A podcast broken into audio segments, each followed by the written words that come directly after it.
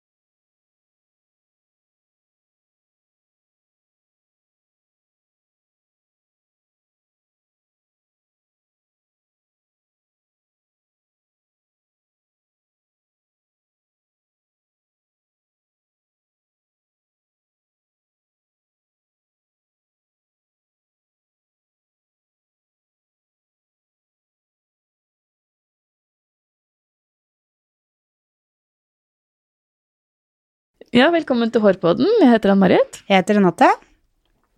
Ja, vi er jo litt busy med fotoshoot om dagen, vi, faktisk. Det er vi. Ja. Uh, for vi skal jo lage den nye hårkolleksjonen til Studialf, Mm, som vi gjør hvert halvår. mm. Så jeg har vært på klesjakt hele denne uka her.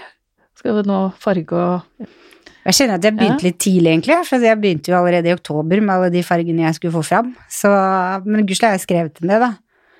Så jeg skal farve på fredag, og så farver jeg min egen modell på lørdag. Det er det jeg gruer meg mest i, for det er sånn veldig teknisk farge, så det er helt krise hvis ikke det blir som jeg skal. Du må sende snapper, da. Jeg, jeg. skal stå over både onsdag og torsdag i salongen og farve dokker for å teste ut, og ta en farvetest på modellen min, for hun blekka jeg forrige uke. Så det er nerver i spenn. Det er fint du minner meg på det, for nå kommer jeg ikke til å sove i natt. Sorry. Neida. Og det er liksom man, Det er sommerfulle magen, men ikke bare sånne gode. Det er litt sånn åh. Ja, jeg veit. Det er det. Så nei, det blir veldig gøy. Ja. Den shooten her tror jeg blir skikkelig morsom. Ja, det tror jeg. Det tror jeg blir veldig, veldig bra. Jeg gleder meg skikkelig. Det er veldig spennende det teamet som er nå. Mm. Alle er nye, Ja, faktisk. Bortsett fra deg og meg. ja. Og det er jo superbra. Ja. Så Nei, det blir veldig bra. vi trenger å bli smitta av noe nytt. Ja, absolutt. Mm. Men vi har jo med oss en gjest i dag. Ja. Og dagens gjest er helt rå på hårstyling. Han styler kjendiser, modeller, reiser inn- og utenlands på oppdrag.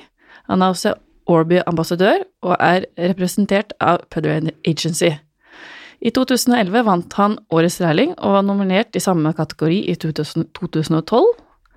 Han har også vunnet eh, prisen som Årets hårstylist i 2013, 2015 og 2017. Og har tidligere jobba for Gevir, og i dag står han på egne bein. Velkommen til oss, Nicola Grostik. Takk. Sa jeg det riktig? ja da, det går fint. Jeg er veldig vant til at folk eh, har en liten sånn ekstra rusj på den etternavnet mitt, men det, det er alltid siden jeg var liten. Det beste var når vi spilte håndballkamper og sånn, for det gjorde jeg før, og da var det alle mulige, alle mulige navn som kom frem. Ja. Men eh, kan ikke du fortelle litt om hvem du er? Hvem jeg er? Jeg eh, jobber som frisør og hårstylist. eh, har drevet med det siden jeg var ganske liten. Fullt av barbiedokker og alt som mulig hoder og hår jeg kan komme borti. Uh, jeg tror liksom startet med at mamma uh, klippet den naboguttene, og sånn, for jeg er oppvokst på småbruk. Uh, og da ble jeg alltid sittende og se på hvordan hun klippet og sånn. Og så hadde hun en venninne som hun gikk til veldig ofte, som var ordentlig frisør. Så jeg alltid var med og satt og så på. Fikk noen sånn gullstriper i fronten. jeg hadde så mørkt hår, så liksom blekinga ble aldri liksom ordentlig lys. Det ble bare sånn Goldilocks i front. um, så egentlig kanskje der det startet. Og så begynte jeg å jobbe i salong da jeg var sånn 13 år cirka. Og begynte på skole når jeg var ja, 17, gikk jeg et halvt år privatskole, og så begynte jeg å jobbe på Inch på Sankthanshaugen når jeg var 17.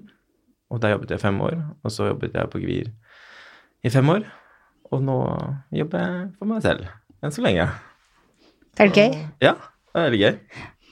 For du jobber nå kun med shoots og Ja, Ja. altså jeg har gjort det nå et halvt års tid. Uh, det jeg har funnet ut av i den perioden, er at jeg er veldig, veldig glad i struktur, egentlig, og jeg er veldig glad i å jobbe mye. Det som er Når man jobber frilans, er det sånn at du kan ha tre uker hvor du jobber dritmasse, så går det kanskje to uker hvor du jobber tre dager, og så kan det være én uke du ikke jobber noen ting, og så kanskje fire uker på igjen. Uh, og det har jeg funnet ut er en struktur som jeg er sånn, sånn semi-glad i, så det kan se ut som jeg kommer til å ta noen dager igjen um, da på Inch. Uh, et par dager i uka bare for å ha liksom noe sånn basic grunnleggende. bare ha sånn et sted du kan gå og vite at ok, men hvis jeg ikke gjør noe denne uka, så har jeg iallfall et par dager jeg jobber, liksom, istedenfor å sitte hjemme og bare ha ja da, den veggen er like fin i dag altså, som den var i går. Man er ikke lett for sant? å bli sløv altså, når man er for mye hjemme. Ja, veldig. Men jeg har klart å liksom sette meg i gang litt sånn etter hvert. da, fordi første, første månedene så var jeg litt sånn jeg bare Jeg kan jo ikke gjøre noe, egentlig, for jeg veit jo aldri om det plutselig kommer en jobb, men så må du egentlig finne på noe hele tiden. Så det er jo pros and don'ts med alt, men um, når man liker å jobbe mye, så har jeg ikke noen måte å jobbe ekstra i. Nei. Mange får energi bare av å være med mange. Mm. Så får du null energi av å ikke være med noen. Ja, det er sånn give and take. Ja, veldig. Men har du liksom alltid sett for deg at det er sånn type jobbing, å jobbe med shoots og sånt? Eller har det liksom kommet etter hvert som du Mm, Det var alltid, alltid typ sånn, Hoveddrømmen var alltid å ha litt mange salonger og jobbe litt sånn som, litt sånn som Angelo Seminara gjør. Liksom, det var alltid liksom, hoveddrømmen min. Men så fant jeg fort ut at jeg er liksom ikke sånn frisørete av meg.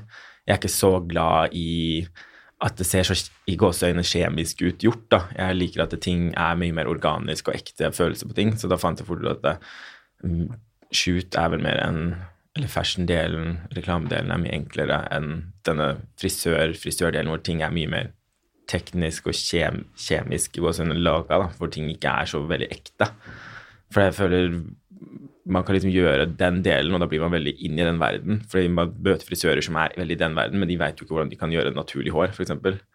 Så det syns jeg er veldig interessant å se hvordan altså, For når man jobber som educator og jobber med frisører som bare kan liksom se linjer og form, da, så, eller farge, og de ikke skjønner liksom at hvis ting ligger litt ute av sitt eget uh, egen plass, liksom, så mister de liksom perspektivet på hvordan ting kan være. da, Og da føler jeg at ting mister den ekte følelsen. Spesielt også når man jobber med kunder. Jeg, liksom husker, jeg husker så godt et eksempel at jeg jobbet med en frisør som gjorde en sånn, type sånn perfekt bob med pannelugg. Liksom, superperfekt, Men så er jo ansiktet er jo litt skjevt, liksom. Så hele klippen ble jo veldig skeiv på henne, for at det, man, er, altså, man er jo ikke symmetrisk i ansiktet. Så det for meg ble veldig sånn, da fikk jeg litt sånn aha-følelse på at eh, jeg liker veldig godt fotoshoots, for der lever ting på en annen måte, syns jeg. Men for vi var på en visning med deg er det, Til sommeren er det to år siden. Ja. Og da husker jeg at du viste fram eh, noen teknikker som du gjør med eh, spenner bak på et type bilde. Som du sa, jeg gjør sånn og sånn for å holde det fast. Er det da ifra fra i um, Fra Orby med Ja. Nina Ja. Men Nico, hun er, Nico, mener jeg. Nei, med hun Welch? Hun, Eh, Nikki? Nikki Welch, ja. Nikki, ja. Ja. Eh, ja. Da viste du fram noen sånne Hvor jeg setter litt sånn typ spennende bak, liksom, for å få håret breiere. Ja. ja. Ja, for å typ sånn, for når man ikke skal gå på en visning, eksempel, og man skal få eksempel, maksimalt volum, da, Mm. så kan du enten sette spennende bak for å bygge rundt, eller så kan du også bruke papplater også, for å liksom støtte opp om, eh, bak, og så Mm. sette fast håret oppå, for å få det til å se tjukkere ut og større, da, i, Ja. i Det var helt vidden. nytt for meg, i hvert fall Ja. tenkte jeg wow. Mm. Mm. Det er liksom sånn gammelt, gammelt, gammelt triks. Det er sånn hvis du ser, det fins en hårstylist som jobbet mye med Richard Avedon back in the day, som heter Ara Galant.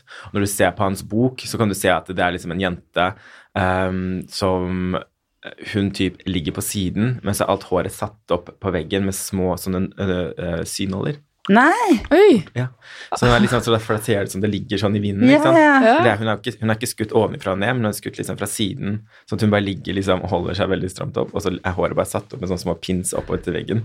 Så det er veldig gøy. Fantastisk. Mm, For det er sånn som ikke du tenker på når du jobber bare på gulvet. Mm. Det, I det hele tatt. Så det er veldig gøy. Men åssen kom du inn i denne verden, holdt jeg på å si? Photoshoot-verden? Eh, begynte, når jeg jobbet på Inch, så var jo Kirsti Arntzen, da, som var jo regjerende i stylingverden, så hun øh, Det var veldig mange, mange dører åpnet seg automatisk for å komme inn der. Men det var en jeg jobbet med der som het Elisabeth, som øh, klippet en herrekunde, rett og slett, som hadde en kjæreste som hadde flyttet hjem fra London, som var stylist, som lurte på om det var noen lærlinger som ville komme og ta noen bilder.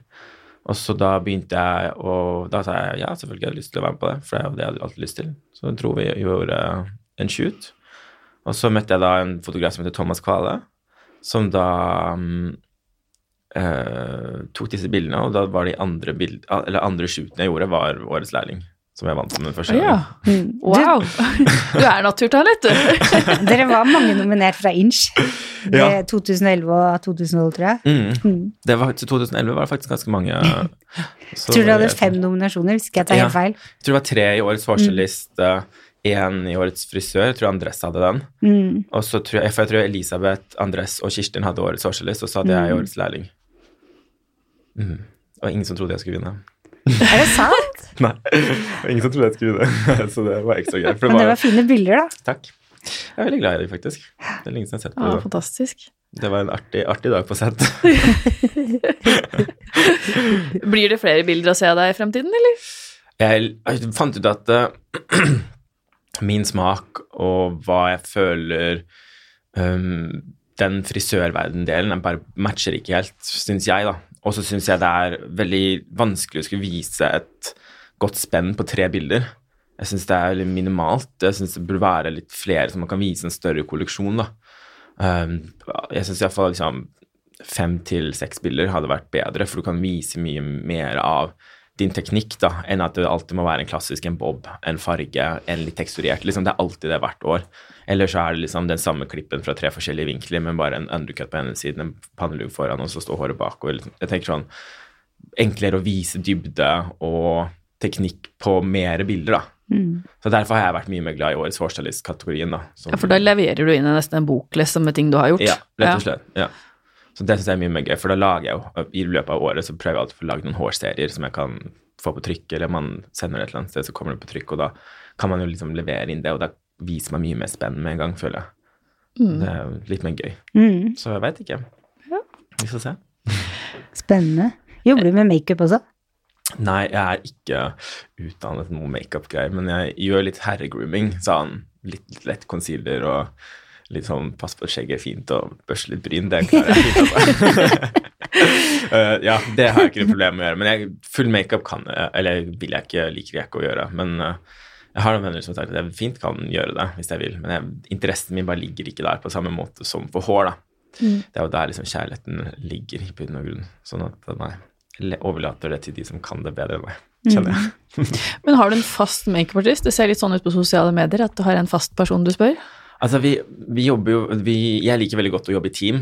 Um, veldig sånn kjerneteam. Så jeg har jobbet uh, uh, De tre jeg har jobbet mest med, er typ Linda Wickman, Thomas Erdis og Anne Cecilie Olafsen. Uh, det er de jeg har jobbet aller mest med opp gjennom tiden. Og det er bare for at vi har liksom likest estetikk, man jobber bra sammen osv. Og, og da føler jeg at det er ikke noe vits å drive og bytte ut folk hvis man har en bra match, tenker jeg. Ja, så sant. Mm. For han som du hadde podkast med, han, Thomas, ja. ja, Mm. Mm. Han er stor i makeup. Mm. Mm. mm. Han gjør det veldig stort om dagen. Ja, han gjør det. ja, mm. han er veldig flink, så det er veldig gøy å få lov til å jobbe med han. Så er vi, også, vi er veldig nære venner, så det er liksom gøy å være med på ferden når man pusher hverandre og veit hva som skjer. Og, så det er veldig morsomt. Så ja, han er veldig flink. Blir litt mer gøy på jobb da. Ja. Herregud. Jeg mener han holdt et kurs på Sudalf på grensen. Ja, stemmer det. Det ja. gjorde det, for at, ja. jeg husker jeg googla navnet hans, og da kom podkasten opp, og da bare 2-2. Mm. Ja. Det er fire. Ja. Jeg fortalte at han var der. Ja. det har jeg fått med meg. Ja. Uh, du er Orby-ambassadør.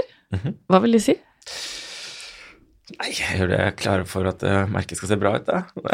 Nei, jeg har vært så heldig å få lov til å jobbe med det i ganske mange år. Um, og nå kaller man det jo mer educator slash ambassadør. Så jeg jobber også med å holde kurs for de, reise litt med dem litt rundt omkring. Nå har de jo Kao kjøpte opp Orbay i forrige fjor, som gjør at um, strukturen blir veldig annerledes enn det at det går fra et veldig lite kompani til et veldig, veldig stort kompani med veldig mange flere ledd som har mye å si.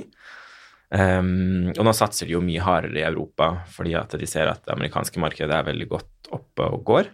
Og så ser du at europamarkedet er uh, mye de kan hente enda. Det gøyeste av alt er jo at um, det er jo ikke bare meg som er educator fra Norge som har gjort det her så bra. Vi har jo også Elisabeth Angelsen, som har jobbet masse før, og Linn Linnea, som du kanskje kjenner til. Mm. Um, vi tre har jobbet opp det norske markedet med andre også selvfølgelig veldig lenge, og vi ligger på det fjerde største landet i verden etter da USA, Storbritannia Wow. og Australia Oi, Oi. wow! på hvem som selger mest. Men hvem, hva er spesielt med Ordi-produktene? Altså, det, det er jo smak og behag. Jeg er Ja. sånn, jeg, jeg er veldig enkel. Jeg, hvis ikke jeg liker produkter, så liker jeg ikke produkter. Jeg bruker ikke et sekund på å teste eller gjøre noe som helst med det. Så jeg, for meg så er det sånn de, de Estetikken er veldig appellerende for meg. Hvordan de ser ut. Eh, Flaskene. Det er jo ganske luksuriøst. Jeg liker jo luksus. Ser eksklusiv ut. Ja. Mm. Um, innholdet, det gjør akkurat det det sier det skal gjøre, og det for meg er ganske alfa og mega, for jeg har jobbet med så mye forskjellige produkter som sier at de skal gjøre noe, og så gjør de ikke det. Mm. Og for meg da så er det sånn, jeg orker ikke å bruke masse tid på en serie, lære en serie, bare sånn, ja, men du må bruke lengre tid på å lære ting, fordi hvis du gjør sånn og sånn og sånn, jeg vil bare ha et skum som gir meg volum, jeg vil ikke ha ha liksom et skum som sier at jeg må mikse det med to andre produkter for at jeg skal få volum. Så jeg har aldri forstått helt den der eh, systemet, hvordan folk lager en serie hvor det er sånn skum for medium hår, for tjukt hår, for tynt hår, for langt hår, for farga hår, for Altså sånn, jeg blir Ja. bare sånn, gi meg et skum, bruk mindre, bruk min, uh, mer. Mm. Ettersom hva du ønsker. Og det er det jeg liker med Orby, at det bare prestasjonen på alle produktene er ekstremt høy da, over alle. Selvfølgelig de har noen ting som er svakere, noen som er sterkere, men gjennomsnittet er liksom 80 høyere enn veldig mange serier, syns jeg. da. Og det er egentlig derfor jeg liker det veldig godt. Lukter kjempegodt. Um, jeg vet ikke om dere lukter på produktene, har dere testet det? Mm. Ja. Vi fikk det av dere på visningen. Ja, stemmer.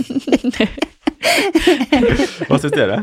Jeg syns det var bra produkter, jeg. Ja. Mm. Vi hadde det faktisk i Vika til videresalg, og jeg syns den var helt amazing. Mm. Ja. Og det er veldig gøy, syns jeg. litt sånn der, fordi nå har jo uh, min, em, min venninne som da eier Inch, de har jo ikke hatt noen andre produkter på 15 år.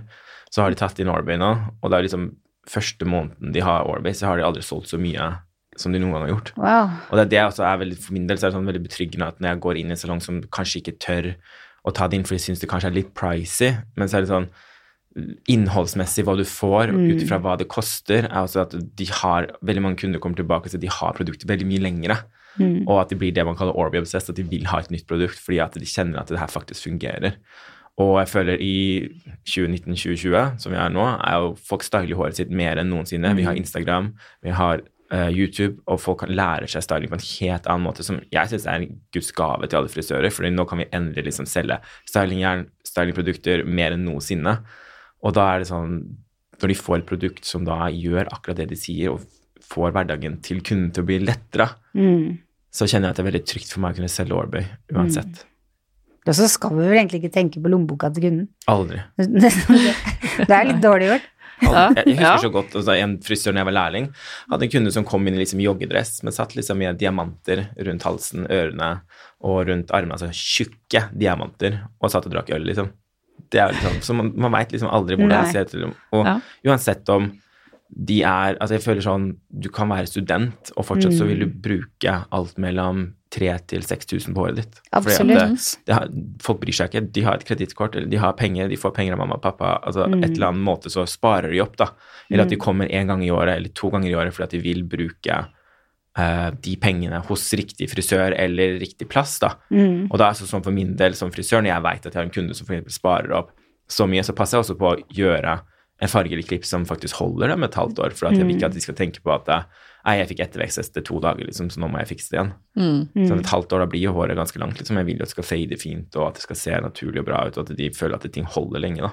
Mm. Og så må de jo ha de produktene òg, for å kunne få til det du gjør Absolutt. Absolutt. hjemme. Mm. Hvis ikke så blir det jo litt rart. Mm. Men det er litt sånn, Jeg fikk et spørsmål fra noen jeg holdt kurs nå, så var det sånn Hvis en kunde skal ha ett produkt for å få liksom, gjort alle stylinger, hva, hvilke produkter? Altså, jeg men, øh, så sa jeg sånn til hele gruppa som bare Ok, hvis, hvis dere går inn i skapet deres, hvor mange har ett sort øh, plagg?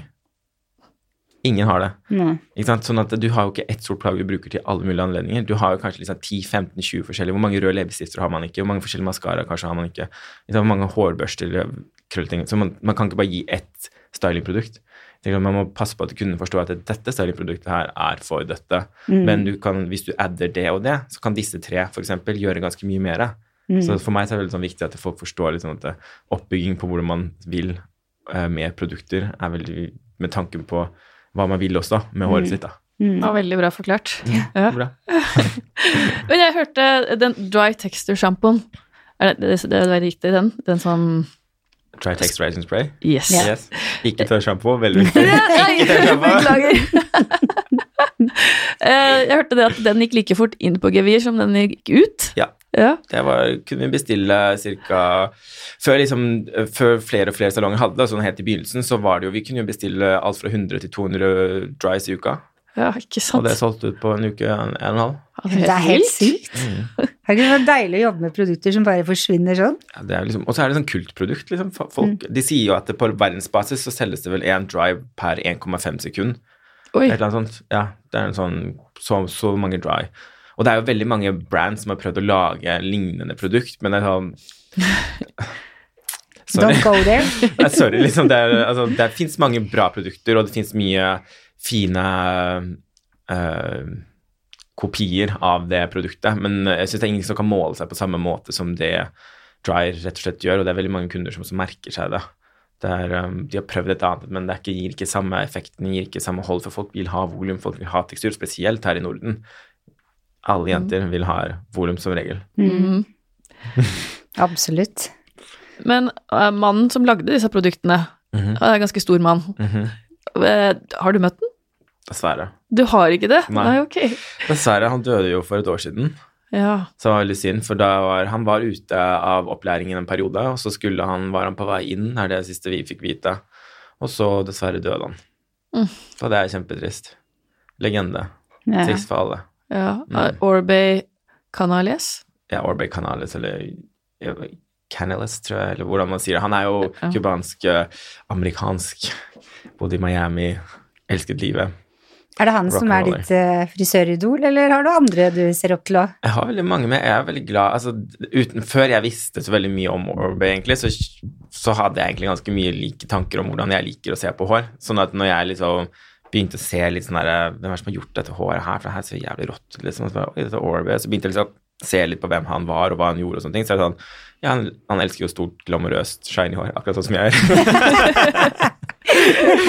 sånn at uh, det var liksom ja, helt perfekt eh, match, egentlig. Men eh, nei, jeg har absolutt mange andre. Altså, Angelo Seminara var jo en av mine største sånn, håridoler i, i begynnelsen. Han var liksom de første tingene han gjorde, liksom Bamboo og Collection. Altså, de, altså, når de så ut som de der tørka um, sol, hva heter det, så, løvetennene. Når han lagde sånn hår som så, så ut som sånn tørka løvetenner, så videre. Altså, det var, han er jo et hårgeni, liksom. Um, så er jeg veldig glad i Sam McKnight. Jeg Sam McKnight gjør veldig mye fint hår. Det er også igjen litt mer sånn naturlig, ikke for mega gjort hår. Men altså, listen er never ending, egentlig. Det er mange, mange, mange flinke folk. Er det der du får inspirasjonen din fra? Fra de, eller? En god miks, egentlig. Ja. At de folk jeg jobber med her også, det er veldig mye flinke folk her hjemme i Norge også. Det er altså med sosiale medier så føler jeg også folk får vist arbeidet sitt på en annen måte. Så man ser jo at liksom, man må uppe gamet sitt hele tiden. Jeg liker ikke å ligge på latsiden. Jeg vil ikke være dårligst. Mitt konkurranseinstinkt er ekstremt stor. sånn at uh, jeg blir veldig inspirert av andre også. Ja. Mm. Mm. Ok. Jeg, liker, jeg er veldig glad i musikk, jeg er glad i film, jeg er glad i liksom gå ute. Jeg er liksom som jeg prøvde å forklare folk at jeg, da begynte folk å le av meg, men jeg er sånn typ sånn, hvis jeg er ute og går i skogen, så liker jeg f.eks. å ta på trær, ta på barken, fordi at jeg bare kjenner tekstur. Fordi jeg føler at folk mangler litt sånn vite hva tekstur er. liksom Man kjenner på ting, men alt, alle flater er jo glatte liksom nå. Det er ingenting tekstur i Men derfor liker jeg å gå og ta på stein, jeg liker å ta på en stein, jeg liker å ta på et bark, jeg liker å ta på tre. Eh, Bryte av en kvist, liksom, sånne ting. Og kjenne liksom hva er teksturer, da. For det er, eh, plutselig så står man der og så bare sånn «Mm, Men kanskje en sånn her tekstur kunne vært deilig å gjøre, liksom. Så veit man litt, sånn, litt hva den teksturen kommer fra. Ja. mm. Det er sånn jeg ser på trær, bare på en annen måte. Jeg ser på, er det en, er det en økende lengde, eller er det en hel form med gradering, Ja, ja. eller ja, er det like lengder? Og, og sammen med bygninger òg. Mm. Jeg liker det. Det er veldig gøy. Og så er jeg veldig veldig visuell i hodet mitt, så jeg lager veldig mye bilder i topplokket som jeg liksom prøver alltid å få med meg videre, da. Men det er mye som jeg mister, og så kommer det opp igjen om noen år, og så Men syns du det er vanskelig hvis du har et bilde i hodet, å få det ned på objektet ditt akkurat sånn som du har det i hodet, eller syns du det er enkelt? Mm, det, Jeg syns det er egentlig sånn Det kommer litt an på utgangspunktet. Jeg, hvis jeg tegner det ned, så mister jeg det. Ja. Så veldig, jeg, veldig dumt av meg. Jeg har funnet ut at hvis jeg tegner det, så har jeg liksom gjort det. Så veldig ofte mm. må jeg bare gjøre det Mm. uh, visuelt. Uh, og så ja, innimellom så kan jeg få det til, og innimellom så går det til helvete. Ja, sånn. Jeg trodde det bare var meg, er, jeg bare står og klør meg i huet. Det var ikke sånn. For å si det sånn, jeg har gjort jævlig mye stygge ting opp gjennom tiden for å kunne gjøre fine ting. Ja. Og det er jo sånn man lærer, tenker jeg. Føler Ja, at man må sant. liksom prøve å feile. Det, er, det har vært min største motor, liksom. Prøve å feile. Du husker jeg du sa på kurset, at eh, å være frisør var det beste og det verste. Mm, det, er det. det er mange dager jeg sitter og tenker bare åh, Her om dagen så er jeg sånn Kanskje jeg skal Kanskje jeg skal omskolere meg. Ringte en venninne meg. Tror jeg skal omskolere meg. Jeg gidder ikke mer. Orker ikke å drive med hår lenger. Og så våknet jeg da og sa Nei, nå skal jeg gjøre dette isteden. Mm, nå skal jeg gjøre masse hår. så jeg er veldig sånn skitt på den fronten, men det tror jeg liksom, kanskje mange frisører er, liksom. Ja. Mm. Men det, det tror jeg er veldig viktig for frisører, for det føler jeg veldig ofte når jeg ser i salongen, at folk blir liksom litt lei. Mm. Men så føler jeg også ofte frisører er veldig lett for å si at de vil og de vil og de vil, men så tør de ikke å pushe seg selv ut av komfortsonen sin, så de blir stående og gjøre samme ting hele tiden. Og det er litt sånn for min del, litt sånn som jeg sier at jeg har 150 personligheter, og det vises også litt i min kundekrets, for jeg hadde, når jeg sto fulltid i salong, så hadde jeg liksom alt fra kort rødt hår på en gammel dame til langt blondt hår til grått hår til svart hår til herrer til altså barn, altså alle mulige spenn. Jeg hadde ikke noe sånn uh, jeg hadde ikke noen spesifikk kundekrets uten at de andre sa på salongen at jeg hadde veldig mye pene kunder. um, Eller så var det liksom Jeg tror det er veldig viktig at man ikke glemmer det, for jeg tror man skal jobbe lenge som frisør. Uh, og jeg føler jo gjennomsnittet blir jo liksom høyere og høyere med hvert år, for jeg tror folk tar mer vare på seg selv også, men jeg tror man skal være flink til å ikke stagnere seg selv med at jeg gjør kun balayage, liksom. Jeg gjør kun extensions, eller jeg tror det er viktig at uh, Selvfølgelig hvis det er det du trives mest med, og du ikke stagnerer, stagnerer så har jeg ikke noe mot det, liksom. Men hvis du går rundt og føler at hverdagen er dritt, liksom, så er det sånn Men se litt på hva du gjør, da. Ha litt selvinnsikt, og hvor er det du kan kanskje bli mer inspirert. Kanskje du må stikke på en sånn ABC cutting course med Vidal Sasun i London en uke, liksom, for å liksom freshe opp, minne litt. Det er, sånn, det er jo lenge siden man har gått på skole. Man tror kanskje man må prøve å leke litt mer òg. Mm. Du så Du bare følger lista di og gjør det samme. Ja, det er sånn type Jeg fins ikke redd for å feile. Altså, fucker jeg det til, så fucker jeg det til, og da må man på en måte bare rette det opp. Ja, men da har, lærer man jo noe også. Jeg tenker Det er det som var gøy når man begynte, for man bare sånn Oi, alt er jo nytt, liksom. Man visste jo ikke hvordan, man, hvordan blir disse stripene. Man drev og titta, liksom, hvordan blir den fargen. Har ingen peiling. Mm. der der, der syns jeg også er veldig viktig at man har ansvar overfor kunden, og så pusher de også litt ut av sin komfortsone. da. Typ som Hvis jeg ser en kunde som du burde klippe håret ditt kort, og så er det sånn Nei, men jeg vil ikke det. liksom langt hår. Sånn. Ok, men da har jeg liksom bare lagt det i lufta. Så nevner jeg det neste gang også, og så neste gang og neste gang. Så kanskje det blir kortere og kortere og kortere, og til slutt så kanskje man klarer å klippe det kortere, og så ser de bare sånn Shit, at jeg ikke gjorde det her før. Jeg bare Nei, men jeg brukte et år på å få deg til å gjøre det. Men de vet ikke at man sakte, men sikkert har lagt den ballen ut i universet, og så kan de tenke på det. Men kanskje jeg burde ha kort hår.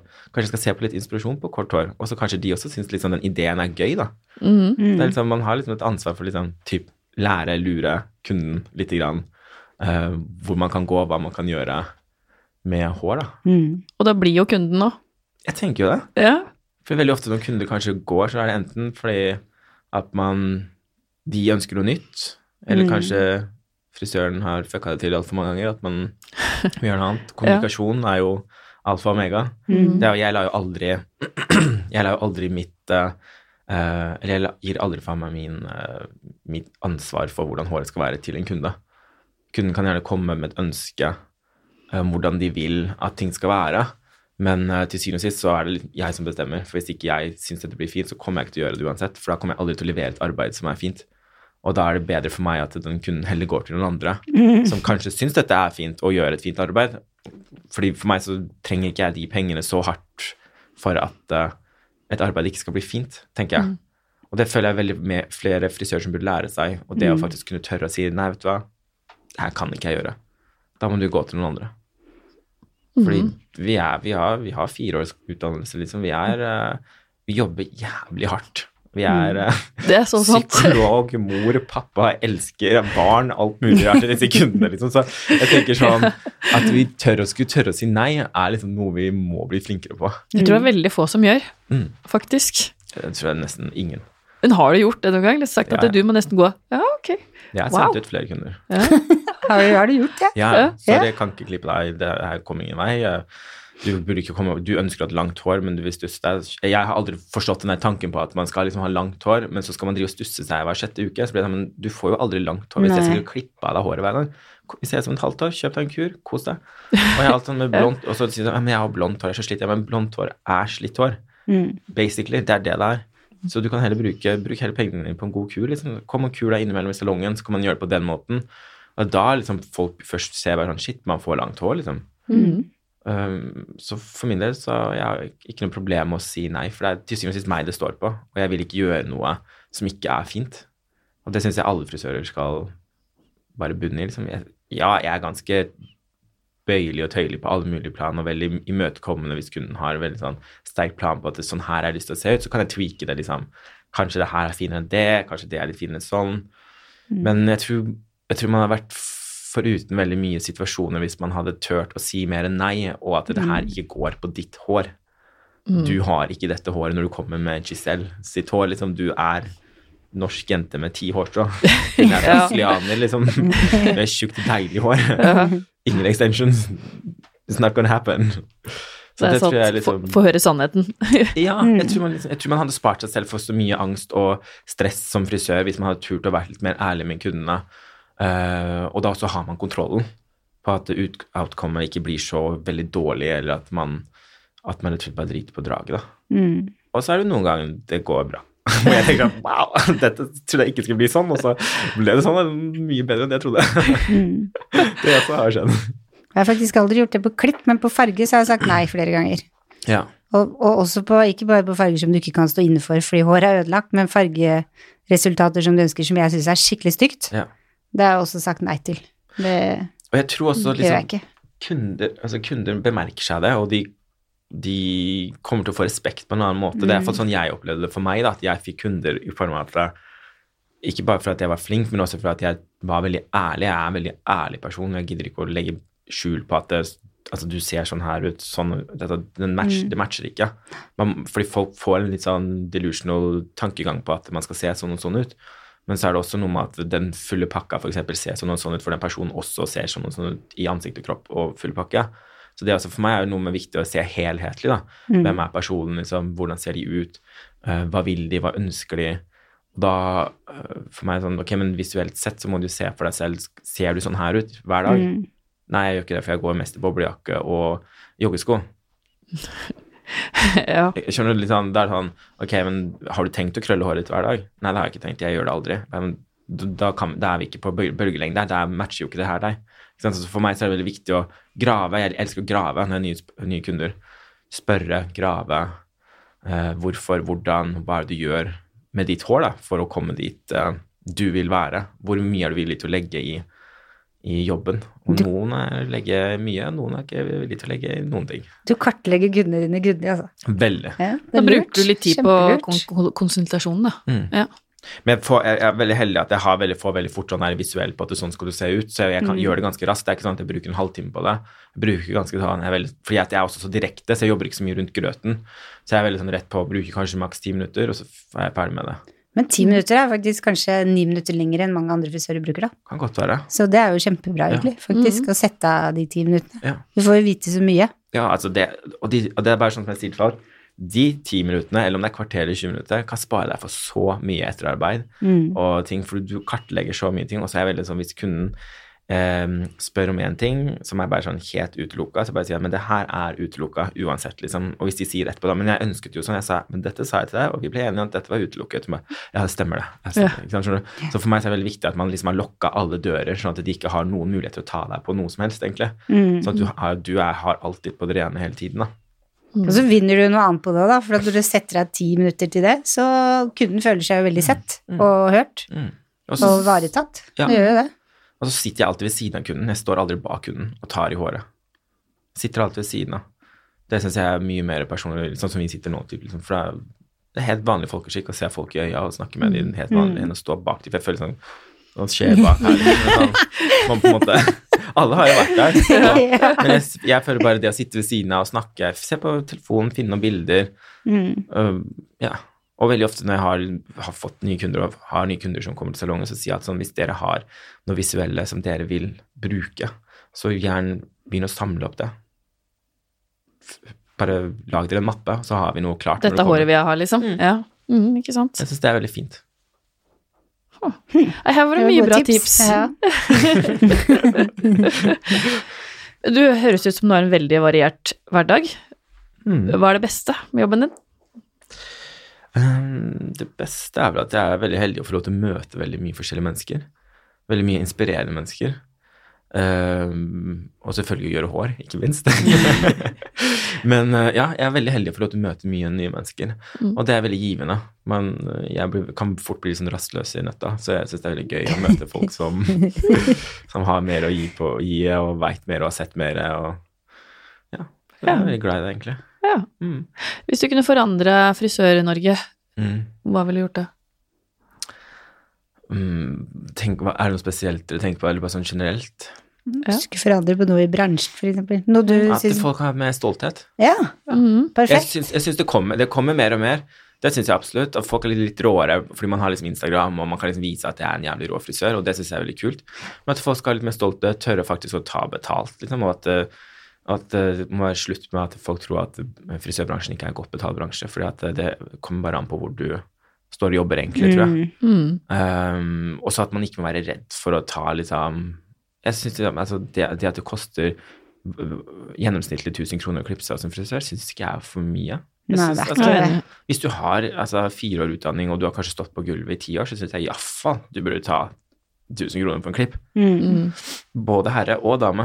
Mm. Mange mener jo at herre burde vært billigere, men jeg mener jo egentlig nesten motsatt. For Det, at det er masse jobb med herrer, da. Herlighet. Så de føner, og de Ah. gjør alt. Jeg sto og klippet en herreklipp i en og en halv time i går. Ja. Det, er- Ja, ikke sant? Det er Og vi skal jo liksom. styles etter alle kunstens regler òg. Ja, ja, det er sånn. Men jeg, jeg, vel, jeg liker jo å ha en og en halv time på klipp, da. Jeg er vel liksom, for jeg syns det er digg for kunden. Merker at man ikke stresser, man har god tid til å ta vare på de. Og, det er liksom ikke Tiden, tiden er viktig, syns jeg, for at kunden skal skjønne at det her det er Bra kvalitet. Ja, Mm. synes det. Og de betaler jo for det også. Sånn at eh, Men eh, ja, det er stolthet, tror jeg. Liksom det at folk og, og ikke minst det å tørre å dele bransjen, frisørbransjen, må tørre å dele med hverandre. For veldig mange er veldig opptatt av nei, men dette har jeg jobbet opp selv, dette er mine fargeoppskrifter, og dette er mine kunder, så jeg vil ikke dele. Men jeg har opplevd heller sånn Og det, litt sånn var det på Inch når jeg jobbet der, men når jeg begynte å jobbe på Guvir, så var Agnes veldig sånn Men her deler vi. Deler veldig masse. Så det var veldig vanskelig for meg i begynnelsen, så jeg begynte, brukte veldig mye tid på det.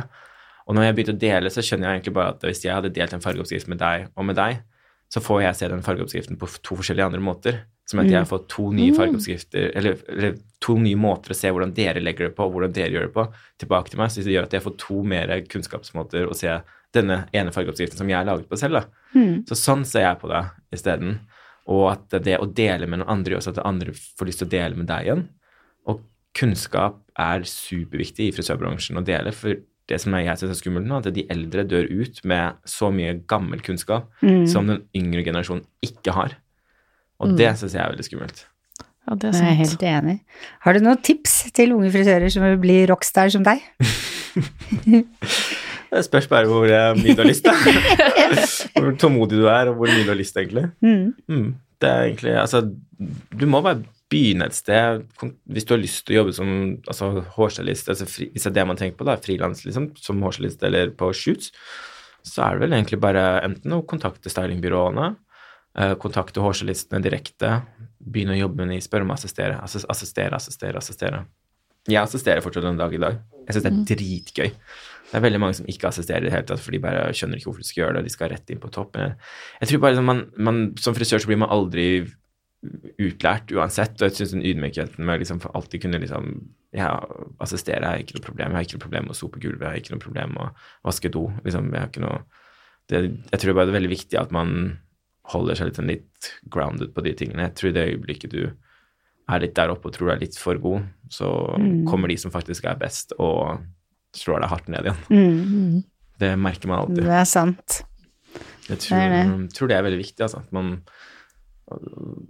ja, tar vare på hverandre og Mm. Ikke, ikke tro at man er så veldig mye bedre enn alle andre, fordi da tror jeg Ikke bli diva. Ja, altså, altså liksom, Det er greit å være diva, fordi det er greit å si at man er flink, og Mm. jeg har ikke noe problem med det, for jeg er veldig sånn, i Norge så er det veldig sånn janteloven. Janteloven, ja, den mm. tror vi ikke på. ah, Det er mest dritt som finnes i hele verden. Så Men man kan jo tenke at andre er bra også, selv om man syns sjøl man er bra, Ja. på en måte. Ja, det er akkurat det. Ja, det er lov til å si at uh, jeg, jeg er fullt klar over selv at jeg er kjempeflink, liksom, men det vet jeg også at dere også er. Men hvis man er jo dritflinke, og jeg tror hvis man smitter over på hverandre, så tror jeg alle vil liksom føle at man er mye flinkere. Mm. Og da har man ikke sånn her Å, nei, takk. Er sånn, eller ja, nei, uff, jeg bare la noen striper vet du. Er sånn Å, Takk, jeg vet jeg er veldig flink, jeg gjorde en jævlig bra jobb. Jeg, når jeg er dritfornøyd med noe, så sier jeg alltid at Picasso is done. sier jeg. det er med kundene mine, da. Og da begynner de å le litt. så det syns jeg er litt funny å si noen ganger. Da er jeg ekstra happy. Ja, men du er dritflink. Det er ikke noe å legge skjul på det. takk. Eh, Vi har kommet til noen faste spørsmål. Mm. Eh, Hva er ditt must have-produkt? Ja, til mitt lange hår. Det er ikke så veldig kort, det jeg ser her. Nei, det er veldig kort med det. uh, altså, jeg har uh, en type favo-favo-favo-produkt fra Orbis som heter Apres Beach, som er en saltvannsspray laga på olje og vann. Så rett og slett måten jeg forklarer til folk på når de skal liksom få sånn illusjon av hvordan det ser Ja, ut det hørtes helt nytt ut. Det er et helt nydelig produkt. Jeg har vært på markedet lenge-. Så det er typ sånn, Du har vært og bada i saltvann, så smører du inn kroppen din med olje, og så vet du når liksom oljen setter seg litt i håret, og så du får liksom litt den separasjonen og litt den blankheten, men så tørker det, og så blir det litt, sånn, litt messy. Det er helt, helt perfekt produkt. Så skal jeg lyst til å prøve det sjøl. Mm, Det er så bra. Og veldig fint også på jenter som har liksom litt langt hår med litt bølgete, bølget, litt sånn brusete krøll. Bare få ta de inn, få det litt mer rocka, men roer ned litt sånn brusete hår også. Um, gjort en styling, og det ser bare litt for styla ut. Apples Beach gjennom i lengdene. Blir så fint. Utrolig kult navn òg. Ja, det var det. Apples Beach hørtes sånn eksklusivt ut. Er det den blå med gullstriper på? Uh, nei, den er faktisk like stor som eh, Dry, Ja. men den er litt sånn rosa og blå og litt sånn skriblier rundt hele. Mm. Um, den blå er vel Er ikke den liten en? Den du tenker på da? Nei, ja. Nei, jeg tenkte på den store. Ja, men, det er, Ja, jo, det ja, er kanskje den. ja, Jo, ja, Ja, den er veldig god. Ja. Den Ja. Mm. Wave and Shine Spray, står det på. så det er mine, en av mine sånn all time favorite. Men det er, jeg har mange produkter som jeg liker. Ja, så det er, lista kan være never ending, men det er typ litt sånn Det er den du trekker frem, da. Ja, gold. Ja. Mm. Eh, nå har vi vært innpå det, men eh, ja, hva inspirerer det? Den har vi Tenk kanskje, kanskje ta den en gang til? Ja, vi kan gjøre det. Ja. Mm, det er, jeg, jeg er veldig veldig glad i musikk, så jeg, har jo ekstrem skitso musikksmak. så jeg starter alltid dagen med musikk som jeg føler sånn setter standarden for dagen. Det gjør jeg alltid, eh, og det er eh, alt mulig rart. Um, jeg er glad i film. Jeg er veldig glad i magasiner. Gamle magasiner. Så jeg er typen alltid en, som før i tiden, før liksom Instagram, da, så var jeg alltid en som drassa rundt på sånn fem-seks magasiner. Løp overalt med de. Um, film, natur, mennesker, reise. Jeg blir veldig, blir veldig inspirert når jeg sitter inne i badstue. Jeg lurer på det for at man liksom sitter der og bare sånn der, man skal liksom puste, liksom det er varmt, og man må liksom, hodet begynner å jobbe, kroppen jobber veldig hardt. og der blir jeg, da, får jeg, da får jeg veldig mange spørsmål. Da blir jeg sånn jeg bare, «Åh, jeg må skrive ned på noe, så bare, jeg har ingenting å skrive på, jeg er liksom klissvåt. så badstue er liksom tydeligvis blitt litt annet sånn inspirasjonssted. kan anbefales. Jeg må spørre deg, favorittfilmen din? Å, favorittfilm? Oi, oi, oi. Um, jeg elsker jo 'Løvenes konge', tegnefilmen. Den syns jeg er dritfin. Um, så har du en film som heter 'Leon', som er veldig fin. Den er, er det den med han uh... Ja, Natalie Portman, hun er ganske liten. Ja, han er leiesoldaten. Ja. Det er en av mine, faktisk òg. Ja, jeg syns den er så Den jævlig er rå, egentlig. kjempefin. Ja. Og så elsker jeg Grinchen. Selv om jeg ikke har sett den til jul i år, så er jeg veldig glad i Grinchen. Men uh, jeg tror kanskje Leon er kanskje en av mine favoritter. Mm, Ja. den er dritrå. Ja. Så det er liksom, Og så har jeg liksom favoritt-TV-serie, så ser jeg alltid på en, TV-serie som heter Will and Grace, hvis du har hørt om det. Ja, ja. Mm. Det jeg ser på siden av 13, og jeg syns det er like morsomt en dag i dag. Er Hva er det du ser på, Hvilken TV-serie ser du på? Jeg bare, «Ja, jeg ser på Will and Grace, da. jeg orker ikke å begynne å se på alle disse nye TV-seriene, det er så mye greier. Men uh, det syns jeg er alltid morsomt, for det er enkelt, deilig å se på. Mm. Mm. Eh, hvor er du om fem år? Oi, oi, oi, hvor er jeg om fem år? Em, det veit jeg ikke. Jeg håper jeg bare er et sted hvor jeg trives og har det godt og jobber og styrer på, egentlig. Jeg syns alltid det er så vanskelig å si om, fem år. Jeg tror um, Nei, altså Hva som helst kan skje, tenker jeg. Du er på et happy place. Ja, det er det viktigste, tenker jeg. At man har det eh, bra og sammen med folk man har det bra med, og det er en uh, fin hverdag, tenker jeg. Mm. Mm. Mm. Og hvor finner vi deg på sosiale medier? Det er min Instagram, at grostitch, G-R-O-Z-D-I-C. Mitt fine etternavn. Mm. det er min sosiale mediekonto. Ja. Det er litt sånn trist å si det, men vi har jo kommet til veis ende. Ja, det var en Så- veldig inspirerende podkast med deg i dag, altså. Ja, Virkelig. Det var nesten så jeg ikke ville si noe, bare sitte og høre på alt du sa. Takk, det er veldig gøy at jeg endelig fått det til. Ja. ja det Tusen, altså. tusen hjertelig for at du ville komme til oss. Tusen takk for at jeg fikk lov til å komme. Det har vært veldig stas. Mm. Veldig gøy. Og jeg syns det er veldig gøy at dere lager denne podden, for det er veldig bra for bransjen. For Bransjen er ikke kjempestor i Norge, men den er ganske stor nok. Vi er veldig mange frisører, Mm. og veldig, veldig fint å ha en sånn bransje på, syns jeg. Tusen takk. Det var koselig å høre. Ja, det var det. Og så alle som hører på, vi blir veldig glade hvis vi får stjerner på iTunes. Mm. Og følg oss gjerne på Instagram Harpodden og Facebook Hårpodden. Mm. Så høres vi neste uke. Det gjør vi. Ha det! Ha det.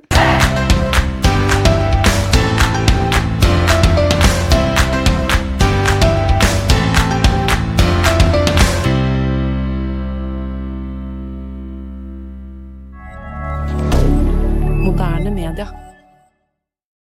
Har du et enkeltpersonforetak eller en liten bedrift? Da er du sikkert lei av å høre meg snakke om hvor enkelt det er med kvitteringer og bilag i fiken, så vi eh, gir oss her, vi. Fordi vi liker enkelt.